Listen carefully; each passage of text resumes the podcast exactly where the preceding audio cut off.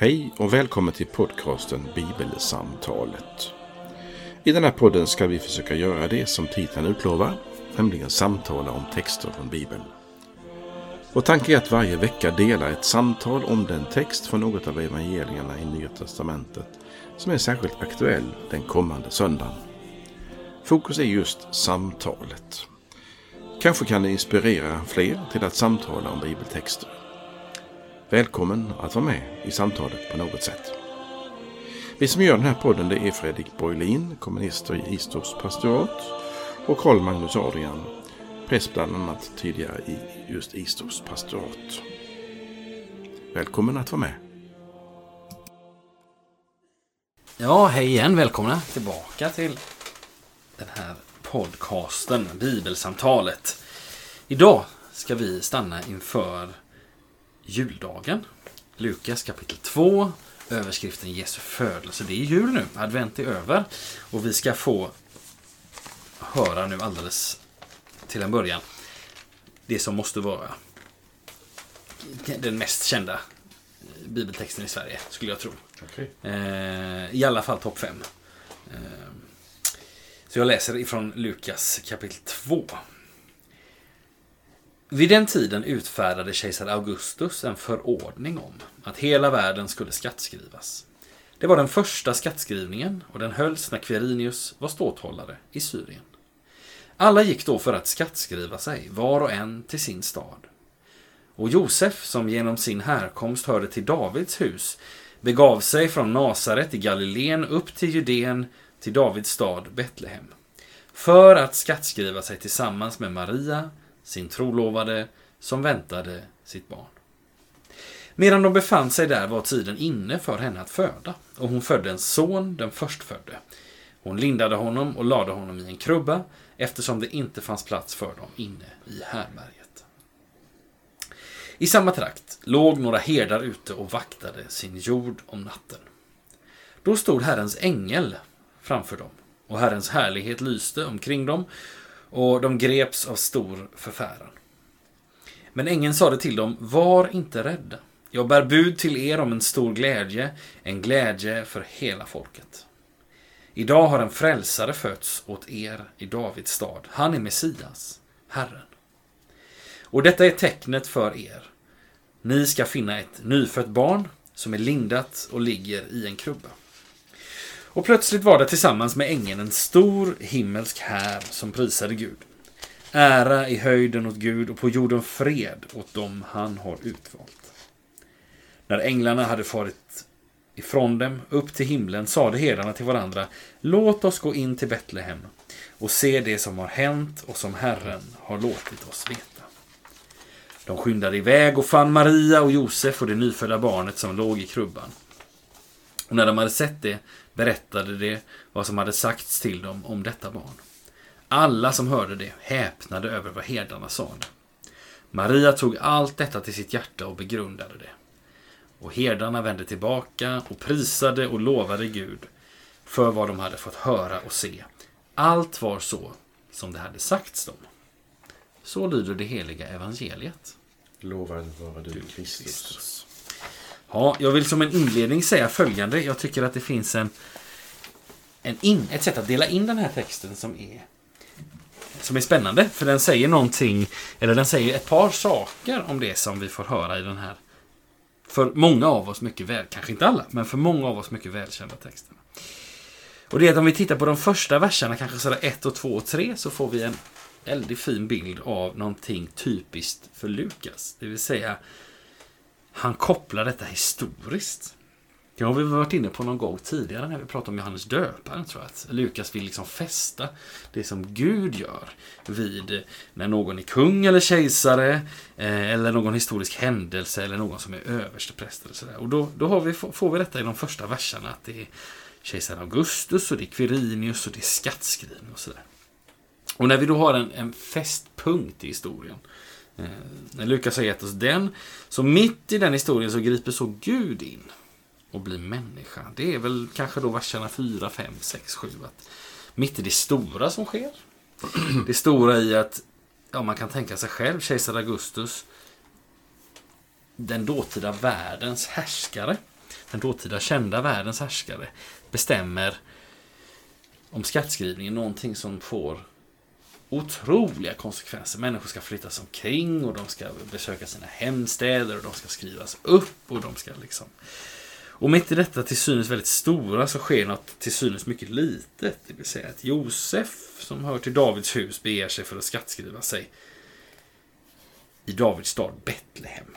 Och Maria följer med, hon väntar sitt barn och det blir tid för dem att föda. Och vi får tänka att det är knappast det enda barn som föds varken där eller någon annanstans. Det måste ju födas hundratusentals barn i eh, romarriket under liksom den här månaden eller de här två månaderna. Eller liksom den här, under den här tiden så att säga. Någonting mycket, mycket alldagligt.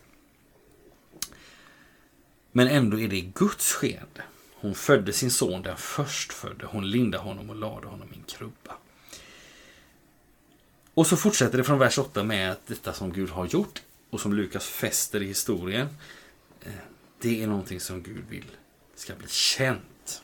Och det är egentligen det som resten av texten då handlar om, tänker jag. Det vill säga, det som är Gud sänder ut sina änglar som talar till hedarna och så vidare och så vidare. Jag vill fråga dig Carl-Magnus, vad fastnar du för i den här texten? Jag tänkte så här att om vi hade läst den här texten och mm. firat minnet av Jesu födelse. Mm. Till exempel den 5 augusti. Mm. Hur annorlunda hade inte julen och jultexten blivit då? Jo. Nu är de inlindade, inte bara i, i, i, i bandage och ligger i en krubba, utan de är inlindade i också liksom romantik och ja, solsken på snö och släde och hästar och mm. trevliga saker. Ja. Och det är väl jättefint. Mm. Eh, och jag tycker väldigt mycket om det, mm. naturligtvis. men, men det här är ju liksom, det är ju inte någon sorts julromantik det här, för att tala vanlig svenska. Nej. Jenny Nyström-bilder. Nej, det är något annat. Ja. Och det var det första jag funderade på. att um, Ibland kan det vara bra att liksom skala bort mm. någonting för att hitta liksom, vad är, det, vad är kärnan i detta. Mm. Och återigen är det ju det att um, det lilla vackra ordet som vi talade om du och jag förra gången, mm. nämligen inkarnationen, Gud ja, blir människa. Mm. Eh, och det kan man gå tillbaka och lyssna till om man tycker det är roligt. Mm. Eh, men det är ju grejen är att, att Gud verkligen föds mm. hit. Eh, det står att Maria ska bli avlad av den heliga Ande. Och nu föds denne sonen i en viss tid, i en viss plats. Och för att nu ta lite mer hänvisning eh, till din ingress med texten så kan jag tänka så här. Eh, när Gud har valt tidpunkten för att födas. Mm. Då 4, 5, 6, 7 före Kristus är han ju född någonstans. Eller före år 0 ska vi mm. säga. Är han mm. född. Det vet vi av säker, på säkerhetsvillkor. Eh, eh, och så föds han i Palestina, en ockuperat, ett ockuperat land mm. av romarna från 63 före Kristus. Och där föds han i en liten by som heter Betlehem. Som är, inte vet mycket om. Vi vet att det var fullt med pilgrimer eller med, med de som skulle skattskrivas just i den platsen. Eh, så det var inte plats i hotellet, härberget, pensionatet för denna familj som kom. Josef eh, med Maria, kanske på en åsna. Och sen hitta en plats. Eh, och så vet vi inte heller var han föddes. Vi har sagt ett stall ibland.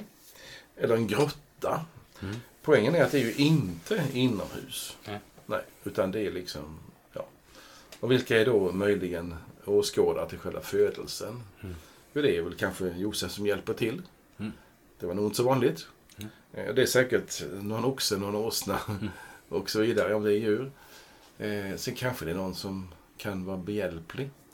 Alltså det är väldigt enkla omständigheter. Mm. Eh, så tänker jag när jag när jag var 17 år gammal, tror jag det var, ungefär i alla fall, så är jag i Tyskland tre, fyra veckor och jag minns att jag hittade ett papper för några månader sedan där jag satt då i min barnslighet och skrev eh, stadgar till ett nytt politiskt parti. Mm. Okay. ja. Det är fullständigt ointressant information. Nej, det behöver inte vara. Vi får se hur du kopplar till. Ja, poängen kommer nu. Mm. Om jag skulle skriva en, så att säga, en ny bibel eller en ny religionsgrund för en ny, ny religion. Mm. Så skulle jag inte vara så dum så jag låter världens frälsare och Gud födas i ett stall i Betlehem långt borta från all redbarhet. Mm. Så skulle jag inte gjort. Nej. Utan jag skulle ju naturligtvis vara i Jerusalem, men men den är ockuperad stad så det är inte så Ja. intressant. Men i Rom, Det. hos Augustus själv. Mm. Och så skulle jag genast eh, förbereda en kupp där mot Augustus och få Mm. bort honom.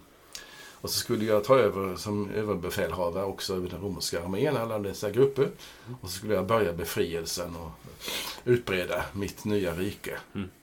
Så skulle jag göra i min naiva inställning. Mm. Mot det kontrasteras då julbudskapet. Och ibland tycker jag det är skönt att få se det så kontrastrikt. Mm. Varför Gud gör som han gör. Eh, Det var mina första tankar. Mm. Sen kan vi gå in och titta på detaljerna i texten som Mm. du var inne på nyss. Mm. Ja, Jag tänker det, jag, men jag, jag, jag går igång lite på detta som du säger med eh, det här att våran jul, vi firar 24, 25 eh, och, och det är vinter och, och, och det är nysnö och slädar och sådär och, och det är sådana här Jenny Nyström-kort och det är ja, allt vad det nu är liksom. Och, och eh, det är såklart att det är en väldigt, väldigt stor kontrast mot, mot det som vi läser om i texten. Men jag tänker också att det finns för många, det, det, det fastnade jag för nu när du pratade om detta med Augustus och sådär, att det finns ju också ett och annat som är mer kontrast för oss än för andra. Det vill säga, vi tänker ju, tror jag instinktivt många vi läser om, ja det här är ju, vad handlar detta om? Ja, det handlar ju om en förlossning och vi tänker att det här är en förlossning som som, eh, som, som med svenska mått mätt är otroligt primitiv, men som med, med världsmått mätt egentligen inte är så märkvärdig. nej. Det vill säga, det här, så här föds de flesta barn. Ja, Under så här enkla omständigheter. En, en grannkvinna eller en, barnets pappa eller någonting får vara med. Ja. Maximalt. Liksom. Mm, Eh, och, och eh, överläkare i obstetrik finns inte närvarande. Eh, och gynekologi. Liksom. Och det tänker jag att nej, men, det, det behöver vi vara extra varsamma med. Att vi, alltså att, eh, men för oss är det en stor kontrast. Och för mig som är man och som därmed inte kommer föda några barn. Så är det en extra stor kontrast. Jag har, Mm. jag har svårt att på djupet förstå den här. Hur utlämnad man kan vara eh, i detta. Mm. Men i det lilla så sker, alltså i det, det till synes lilla så sker det stora. Eh, det är långt borta. Eh, det är långt från händelsernas centrum. Lukas börjar ju, eh, och hela den här texten är ju som en stor rörelse egentligen. Alltså det vill säga, i vers 1, vid den tiden utfärdar kejsar Augustus och var är han då? Jo, han är ju i Rom. Där börjar det. Och eh, sen så förflyttar vi oss snabbt till Betlehem. Och till det lilla sammanhanget. Och, det, och där väljer Gud att verka.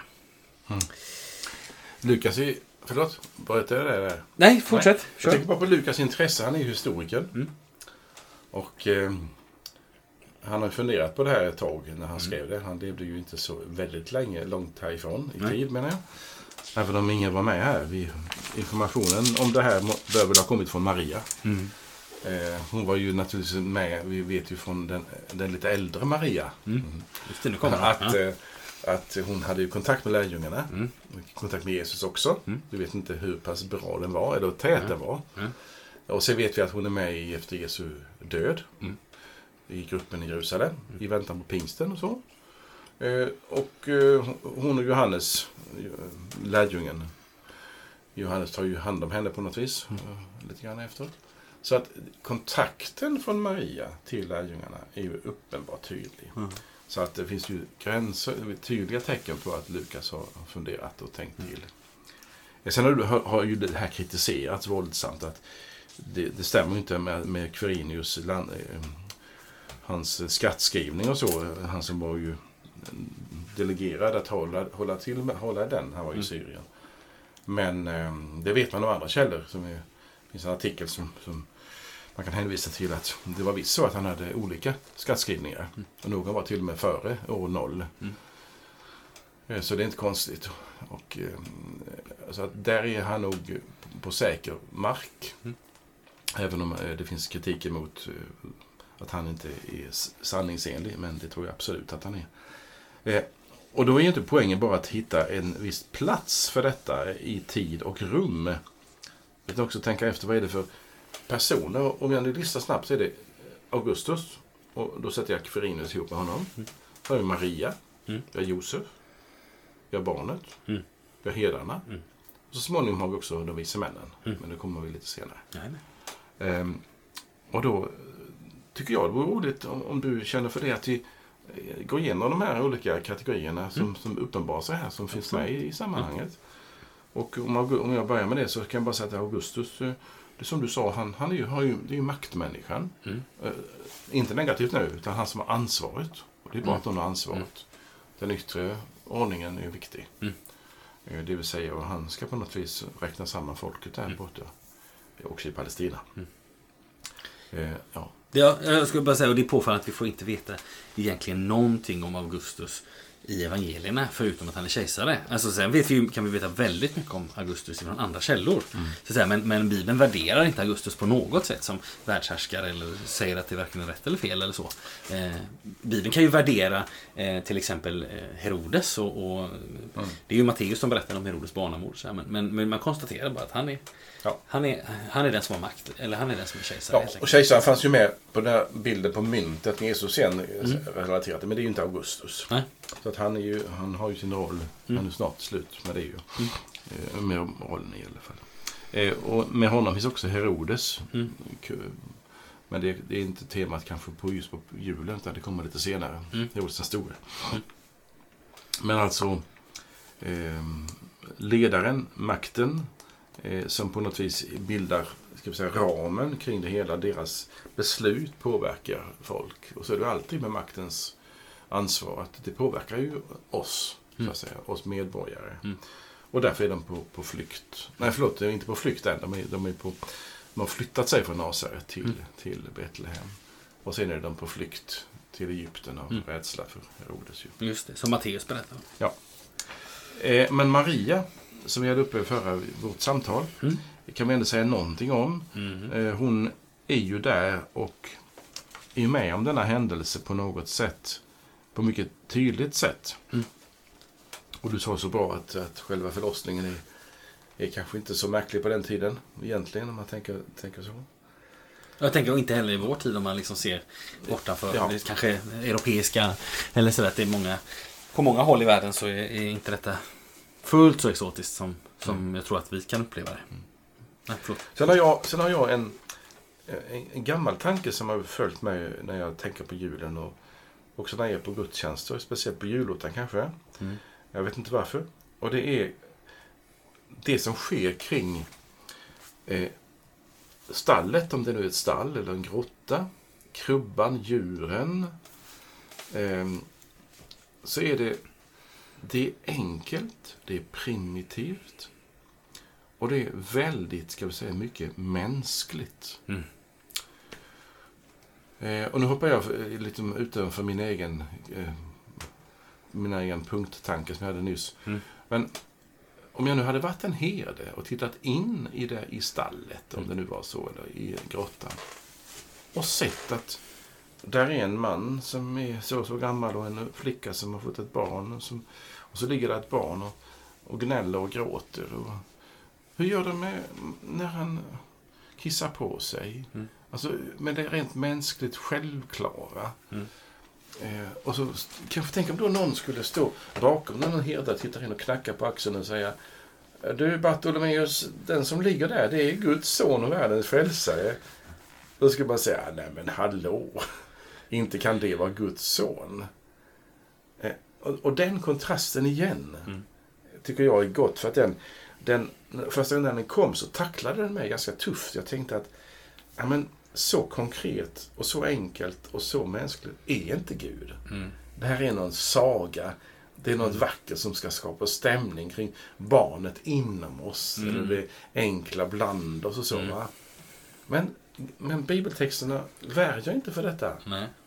Ja, speciellt Lukas just som hon berättar så mycket om detta. Och det tycker jag är fascinerande. Just det, att precis att det här också, som du säger det här, alltså stallet och det att det är eh, det är, det är lika förankrat som själva födelsen. Platsen är också viktig. Den säger någonting om vad det är Gud vill göra.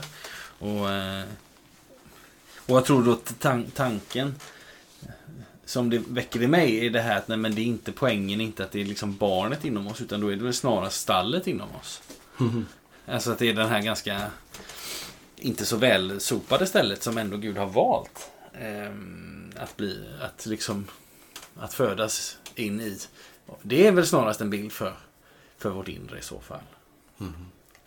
Sen så tänker jag, det finns ju om man tänker på det som herdarna får höra från änglarna. Idag har en frälsare fötts åt er. Där är riktningen. Eh, Gud har inte gjort det här för sin egen skull. Nej. Han har gjort det för vår skull. Eh, Varför är de med? Varför ska de höra detta? Ja, det kan jag fundera på också. Jag, jag läste för länge sedan en, en liten kommentar. Och det är att utanför Betlehem så fanns den här platsen, eh, kan vi säga bondgården, där de eh, odlade upp får för offren i Jerusalems tempel. Mm. Så det är mycket möjligt att det var så att säga, lamm, får som, som var beredda för att kunna användas vid offret i, Jerusalem. Mm.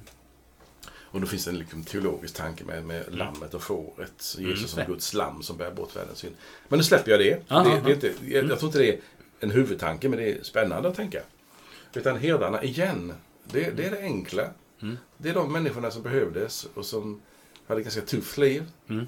Eh, och det står att, eh, att herdarna låg ute på vakten och vaktade sitt jord om natten. De låg där ute, alltså de Mm. sov eller någonting, någon vaktade kanske. Och så kommer Herrens ängel.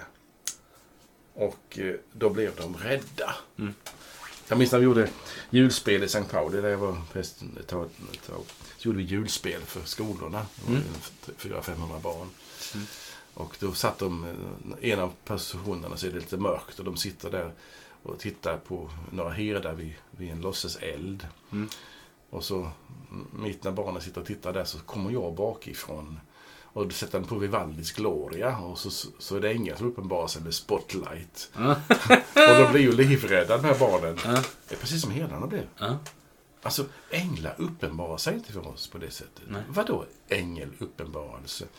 Här ligger jag och har fullt sjå med att hålla ordning på fåren och jag är till med trött, kan inte få sova en timme till. Mm. Och mitt i detta så, så kommer liksom Gud och, blir, och säger någonting till dem. Och så sjunger man Gloria, Mm. ära vare Gud i höjden. Mm. Det är någon sorts budskap till dem. Mm. Och då är det ju fint, tycker jag, att det, det, innan, det, innan du sa det här, det goda om er, budskap till er, Mm. så är mötet från Gud till dessa herdar startar ungefär som när Jesus möter Maria genom ängeln Gabriel. Mm. Var inte rädda. Mm. Och det finns så många exempel på det att när Gud blir tydlig för människor så är det Mm. någonting med heligheten Mm. som gör att man får en, ska vi säga, en sund insikt om sin litenhet. Mm. Inte det där med att man är kuschad och du är ingenting värd. Utan, utan när någonting stort händer. Jag har varit med om en tornado i Österrike med hela familjen för många år sedan. Alltså då, man, då talar man med små ord. Mm. Man är väldigt försiktig. För det är krafter som är så otroligt starka. Mm. Eh, Det är kanske en väldigt enkel bild. Men, men någonting med att, att när man anar Gud, när Gud kommer nära oss. När man kanske, det finns människor som har berättat att de har fått se syner och, och sånt där. Så får man en sund insikt om sin begränsning. Mm. Och jag säger det i, återigen, inte den här kuschade inställningen. Nej. Du borde känna syndamedvetande. Du borde vara rädd för Gud eller frukta Gud. Utan en mycket sund insikt att Gud är Gud och jag är människa. Gud kommer till mig. Varför detta? Mm. Alltså det, det är något med det som är så stort tycker jag. Återigen, vilka är herdarna? Helt anonyma. Vad är det för folk? Mm. Och de, de, de, får- de får ju höra ett budskap sen. Gick, går jag för snabbt fram? Nej, nej, kör på. Ja, jo. Idag har en frälsare fötts åt er. Det var det som du sa så bra. Ja. Och så kommer det. Detta är tecknet för er. Mm. Kolon i Mm. livet 2000. Ni ska finna ett nyfött barn som är lindat och ligger i en krubba. Nu kommer min eh, högst privata tolkning. Det ser ut så här. Nu checkade Fredrik detta med folkbibeln Ja. också. Jo, eh, nu är vi herdar du, Fredrik, du och jag. Vi ligger här ute på gräsmattan. Det är natt. Mm. Ingen har kommit dit. Mm. Och så har vi hört det här. Mm. Och vi, vi säger inte Amen, tack gode Gud, utan vi är förskräckta. Mm. Vi undrar vad detta är för någonting. Jajamän. Vi är ju inte lättledda och lättlurade, eller hur? Mm. Ja, just det. Och sen, tecknet är att ett barn ligger i en krubba. Ja, då går vi härifrån. Och här finns en bondgård en bit bort där jag har varit några gånger. Eh, och så hälsar vi på honom, han som bor där. Mm. Eh, och så hittar vi en lada där inne. Eh, i, vid hans gård där inne. Mm. Och så står vi utanför du och jag och viskar. Så säger vi, du, här inne är ett stall. Nu ska vi checka in här och se om där finns en krubba. Det vill säga där maten i djuren är. Och det ligger ett barn i den krubban. Då är ju det som vi hörde på gräsmattan. Sant. Men ligger det inget barn i den här krubban, Nej. då är det ju bara en nattdröm eller en mardröm. Ja, eller för något, eller? Alltså Gud säger, nu får ni kolla detta. Jag vill ge ett tecken. Alltså han är omsorgsfull om herdarna och mm. gör dem, dem, ja men kolla nu. Mm. Han, han som klampar, han slår inte in dem med ett baseballträd i huvudet. Utan Nej.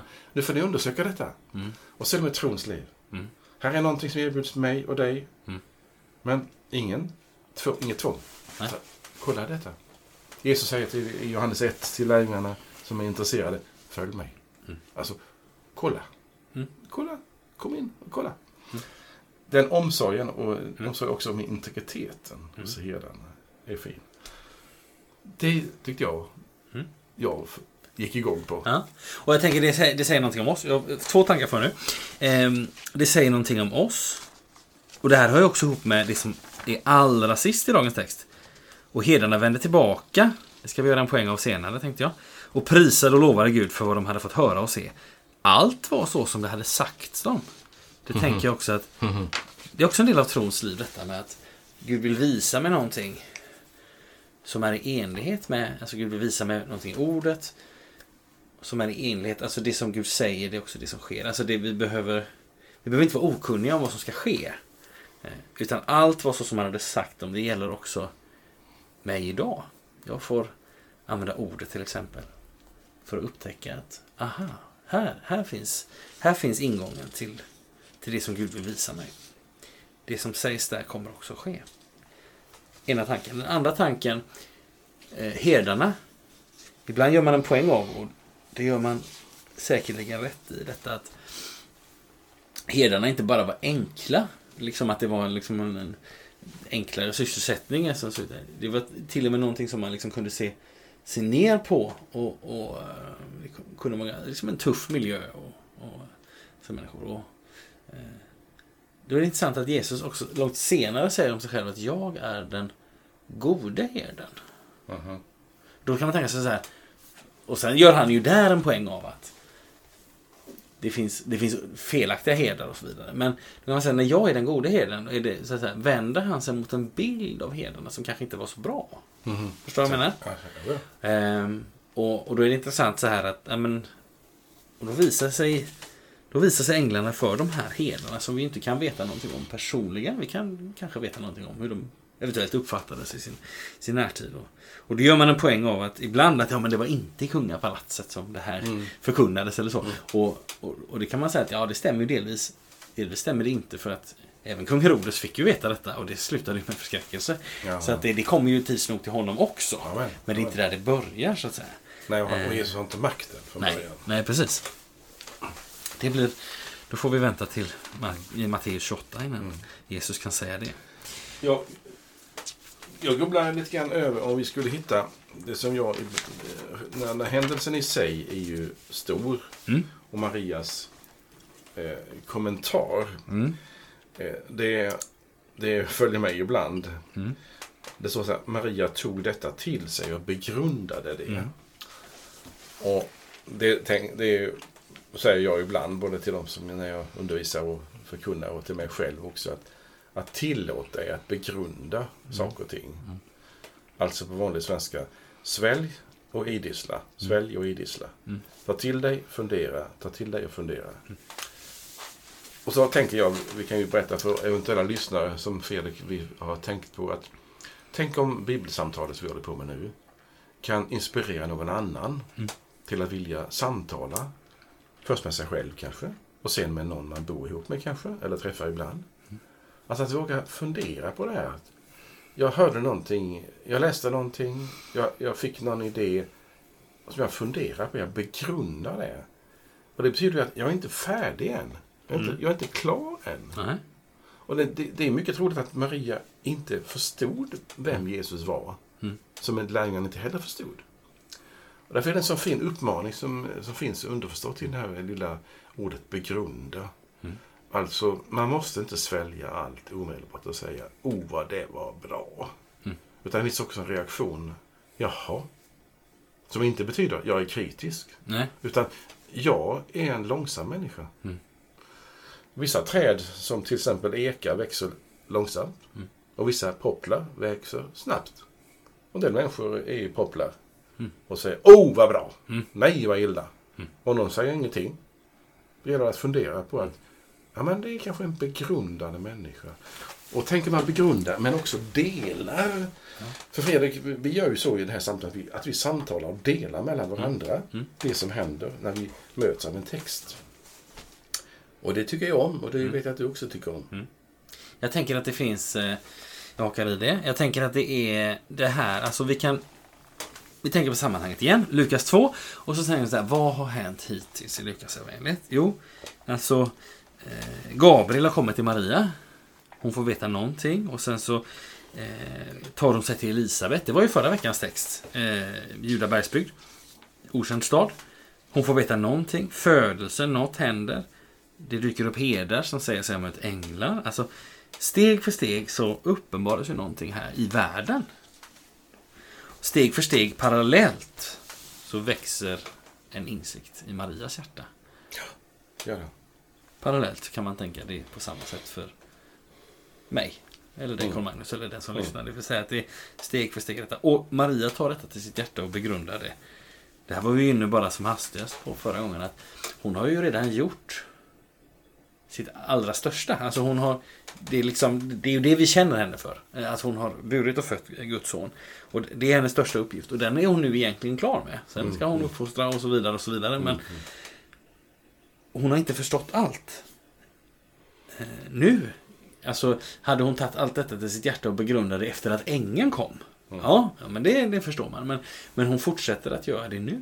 Mm. Det är fint. Och när herdarna har berättat Mm. det de har berättat, Ja. låt oss säga att de har berättat det som Lukas också Mm. har med sig. Mm. Han har väl fått det från Maria kanske. Mm. Så berättar de att ja, vi, vi har varit där ute och sovit och vaktat från och så kom det en ängel och sa någonting till oss och därför, kom, därför är vi här. Mm. Och då, ursäkta att jag låtsats vara Maria, då tänker Maria, det här var konstigt. Mm. Mycket märkligt. Mm. Det, här är, det här är inget vanligt jag är med om. Mm. Alltså man, man liksom, den här insikten att det är någonting som berör Mm. mig. Amen. Det är väldigt fint tycker jag. Och jag menar, Gud använder Maria trots att hon inte förstår allt. Alltså de här båda svaren. Nämnde det förra gången också. Det här. Jag förstår och jag vill. Det är ju Mm. två sätt att svara Gud. Och. Maria säger ju inte jag förstår. Det förstår vi att hon inte gör. För hon, tar det, hon fortsätter ju begrunda här. Mm, mm, mm, Eh, och det är för att, aha, hon, hon har inte fattat allt än. Och vem har gjort det? mm. Eh, utan hon säger jag vill. Ja, det sa hon tidigare. Må det ske med mig som du har sagt. Mm. Och det är det viktigaste. Sen är det inte oviktigt att förstå. Det, det, är- det är inte poängen här att, att man ska säga ja och det ska vara en... Det är liksom ingen, ingen självupp, Det finns ingen självuppfyllelse i att jag ska... Ju mindre jag vet desto bättre är det. Nej, inte alls. Utan allt var så som hade sagts dem. Står det allra sista. Det vill säga, Gud vill också liksom uppenbara det han gör. Men, men poängen är först och främst, det viktigaste är, vill jag detta? Ja. Och, och det är inte oviktigt att jag förstår, men det är inte nödvändigt på samma sätt. Nej, jag menar om vi har ordet förstå, till fatta och begripa. eh, Så kan ju det, det vara lite en eh, snäv definition. Mm. Men man att, säger att man vill, men inte riktigt att det har blivit mitt ännu. Alltså Mm. det, man kan ju vilja någonting som, är, ja, ska du följa med? Okej då, Mm. ungefär, kan man svara. Ja. Men sen när man liksom börjar inse eh, och, och, och begrunda, jag har ju en fri tolkning av det som Mm. du märker, det är att Mm. Mm. att jag liksom jag åker runt med mina tankar. Vad kan det här innebära? Vad, vad Mm. betyder detta som jag är med om nu? Mm. Och då är både förståndet med, Nej, nej. känslan är med, Mm. eh, fantasin är med. Alltså allt det där sinnliga som vi har fått av Gud. Mm. Det, det integreras. Och då kanske man till slut kan säga, jag tror. Men det kanske inte jag kan säga i början. Jag kanske kan säga, jag vill och jag är intresserad, men, men jag vill. Det, det, det är stort att säga det. Mm. För det, då syftar, då tolkar jag det som att säger du jag vill, eller jag är med, då har det liksom landpolletten fallit ner ungefär. Och det, det tycker jag är väldigt fint. Mm. Eh, Jag har en, en fortsättning efter Ja. de här, ska jag säga, textborrandet. Jajamensan. Ja. Och det är så här. Jag tänkte på ordet välkommen. Mm. Och så gick det mina ord, tankar så här. Jesus var inte välkommen till härberget i Betlehem. Nej. Inte Maria Josef heller. Fast inte plats. Det står i Johannesevangeliets inledningskapitel att han, var, att han kom till sina egna och de tog inte emot honom. Just det. Alltså Jesus, det finns någonting i Jesus som man inte sväljer och säger Åh, vad bra. Utan det är någonting som gör att denna världen inte tar emot Jesus. Det talar Bibeln mycket om. Ju att Gud inte omedelbart är den som liksom landar i alla människors ja, naturligtvis. Fast han var inte välkommen. Eh, för det andra så blir han välkomnad av herdarna. Mm. Och långt innan det vi pratade om förra podden så var- blev han ju välkomnad av Maria kan vi säga. Mm. Maria sa ja till slut till Mm, honom. Alltså man blir berörd så att man vill säga ja. Herdarna kanske inte sa ja på fältet där ute. Utan Nej. de blev intresserade eller tänkte vi måste ju ta reda på detta ändå. Ja, det, ja. Vi går väl till stallet och kollar. Mm.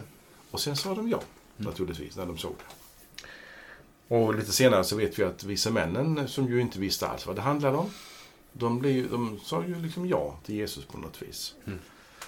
Och eh, änglarna som sjöng på natten, de sa ju liksom, de hade ju, de visste vem de sjöng om. Mm. Så de hade ju sagt Mm. liksom ja till sonen. Och så kommer min fråga och det är att om nu julen, förutom det här med att tydliggöra att Gud är människa, Mm. i tid och rum, så är det också julen en sorts budskap. Vill du säga välkommen till Jesus? Vill, Mm. vill du ta emot honom? Mm. Eh, och då berör det ju mitt innersta, mitt privata också. Mm. Eh, mitt känsliga, mitt ömtåliga jag. Mm. Där ingen får tvinga mig att säga ja nu. Nej. Utan vill du? Är det någonting som drar dig till stallet? Är det någonting som drar dig till att vilja? Och den längtan tycker jag om. Och då ska man inte, tycker jag, misströsta om, eller vad kan man säga, man ska inte nedvärdera det där med känslor.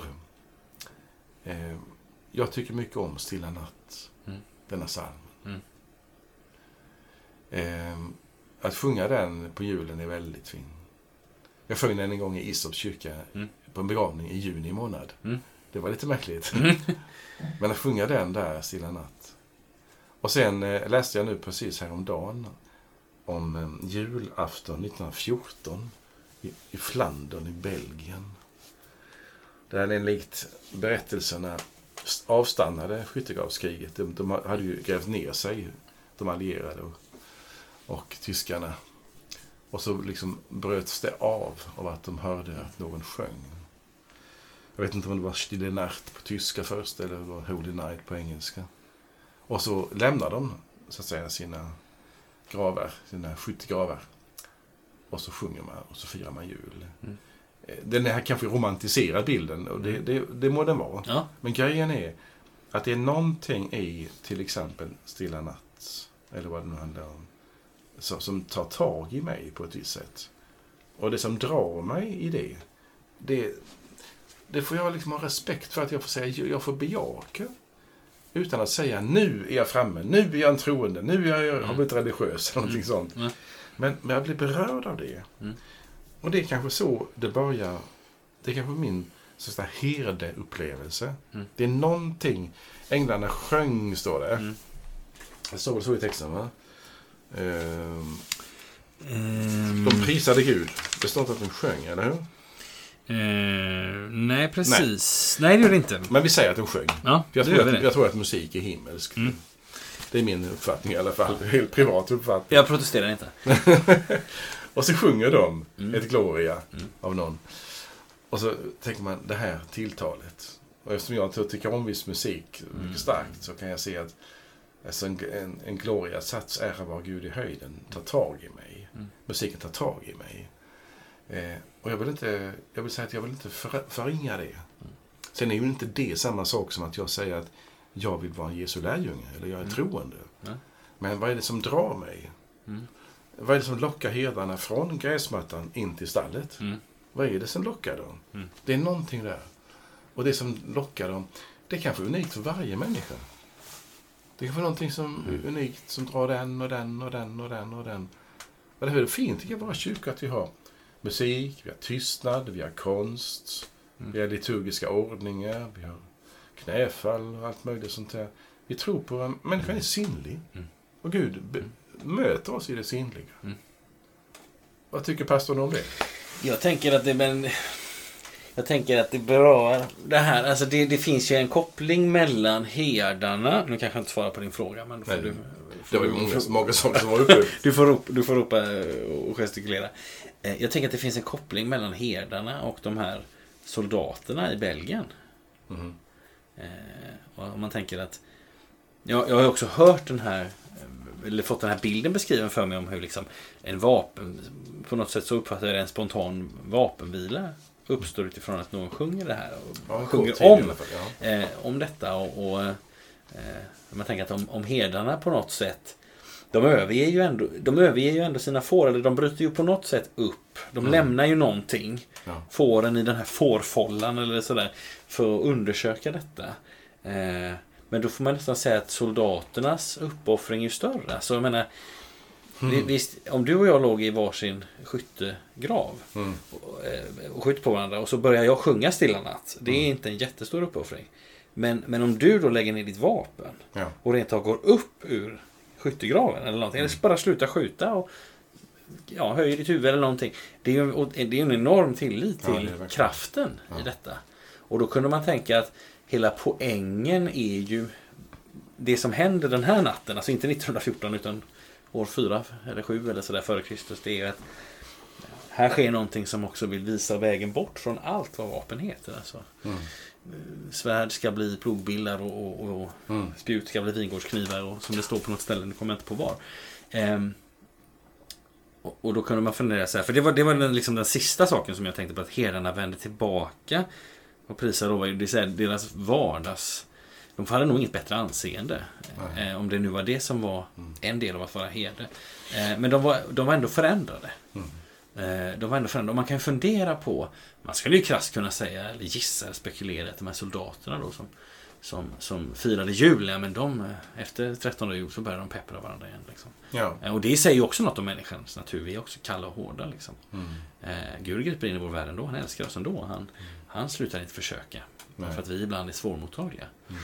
Men, men eh, man kan också fundera på vad gjorde det med de, de enskilda personerna Mm. i den där skyttegraven. Alltså. Eh, Jag tycker mycket om det alltså, när du har den vinklingen. Därför att det vad ordet fred och frid betyder som finns med i änglarnas sång. Det, har ju, det kan man ju tänka väldigt mycket om. Mm. Eh, men det finns ju någonting här med eh, herdarna, barnet och det lilla. Jag säger inte att detta är den viktigaste punkten, men det Nej. finns en punkt i alla fall i detta. Mm. Och det är att eh, kring barnet i krubban, Mm. och nu är jag lite romantisk i min Mm. bild, för jag ser framför mig nu, eh, så är det svårt att gräla och kiva. Mm. Ungefär som att tittar du ner i en barnvagn med ett barn som tittar på dig, så är det svårt att sen slå en annan på käften. Ja, Så är det någonting som ja händer. absolut. Ja. Och att då Gud blir inte bara människa, inte bara föds som ett barn, som man gör när man föds. Mm. Utan att han, ska jag säga, under sitt jordeliv väljer att vara tjänare och svag. Och inte fram uppträder som den eh, allsmäktige han är. Nej. Även om Jesus kan bryta mönstret och bota sjuka och uppväcka döda, Mm. så är han så är han uppenbart så att han inte tar saken i egna händer hos Herodes, Pilatus, Kajafas. Nej. Utan han blir, låter sig bli dödad. Mm. Han tillåter detta ske. Eh, Varför Gud väljer svarslöshet, eh, försvarslösheten och Mm. lägga ner vapnen och allt det där. Det säger ju någonting om det rike som är inte av denna världen. Mm. Och det finns också med i Jesus sista ord till Pilatus att mitt rike är inte av denna världen. Och det kan också julevangeliet tydliga för oss. Men mitt i denna världen så blir han människa.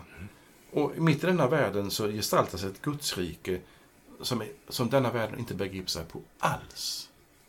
Hämnden och makten och styrkan och jaget, det kännetecknar ju denna världen. Mm.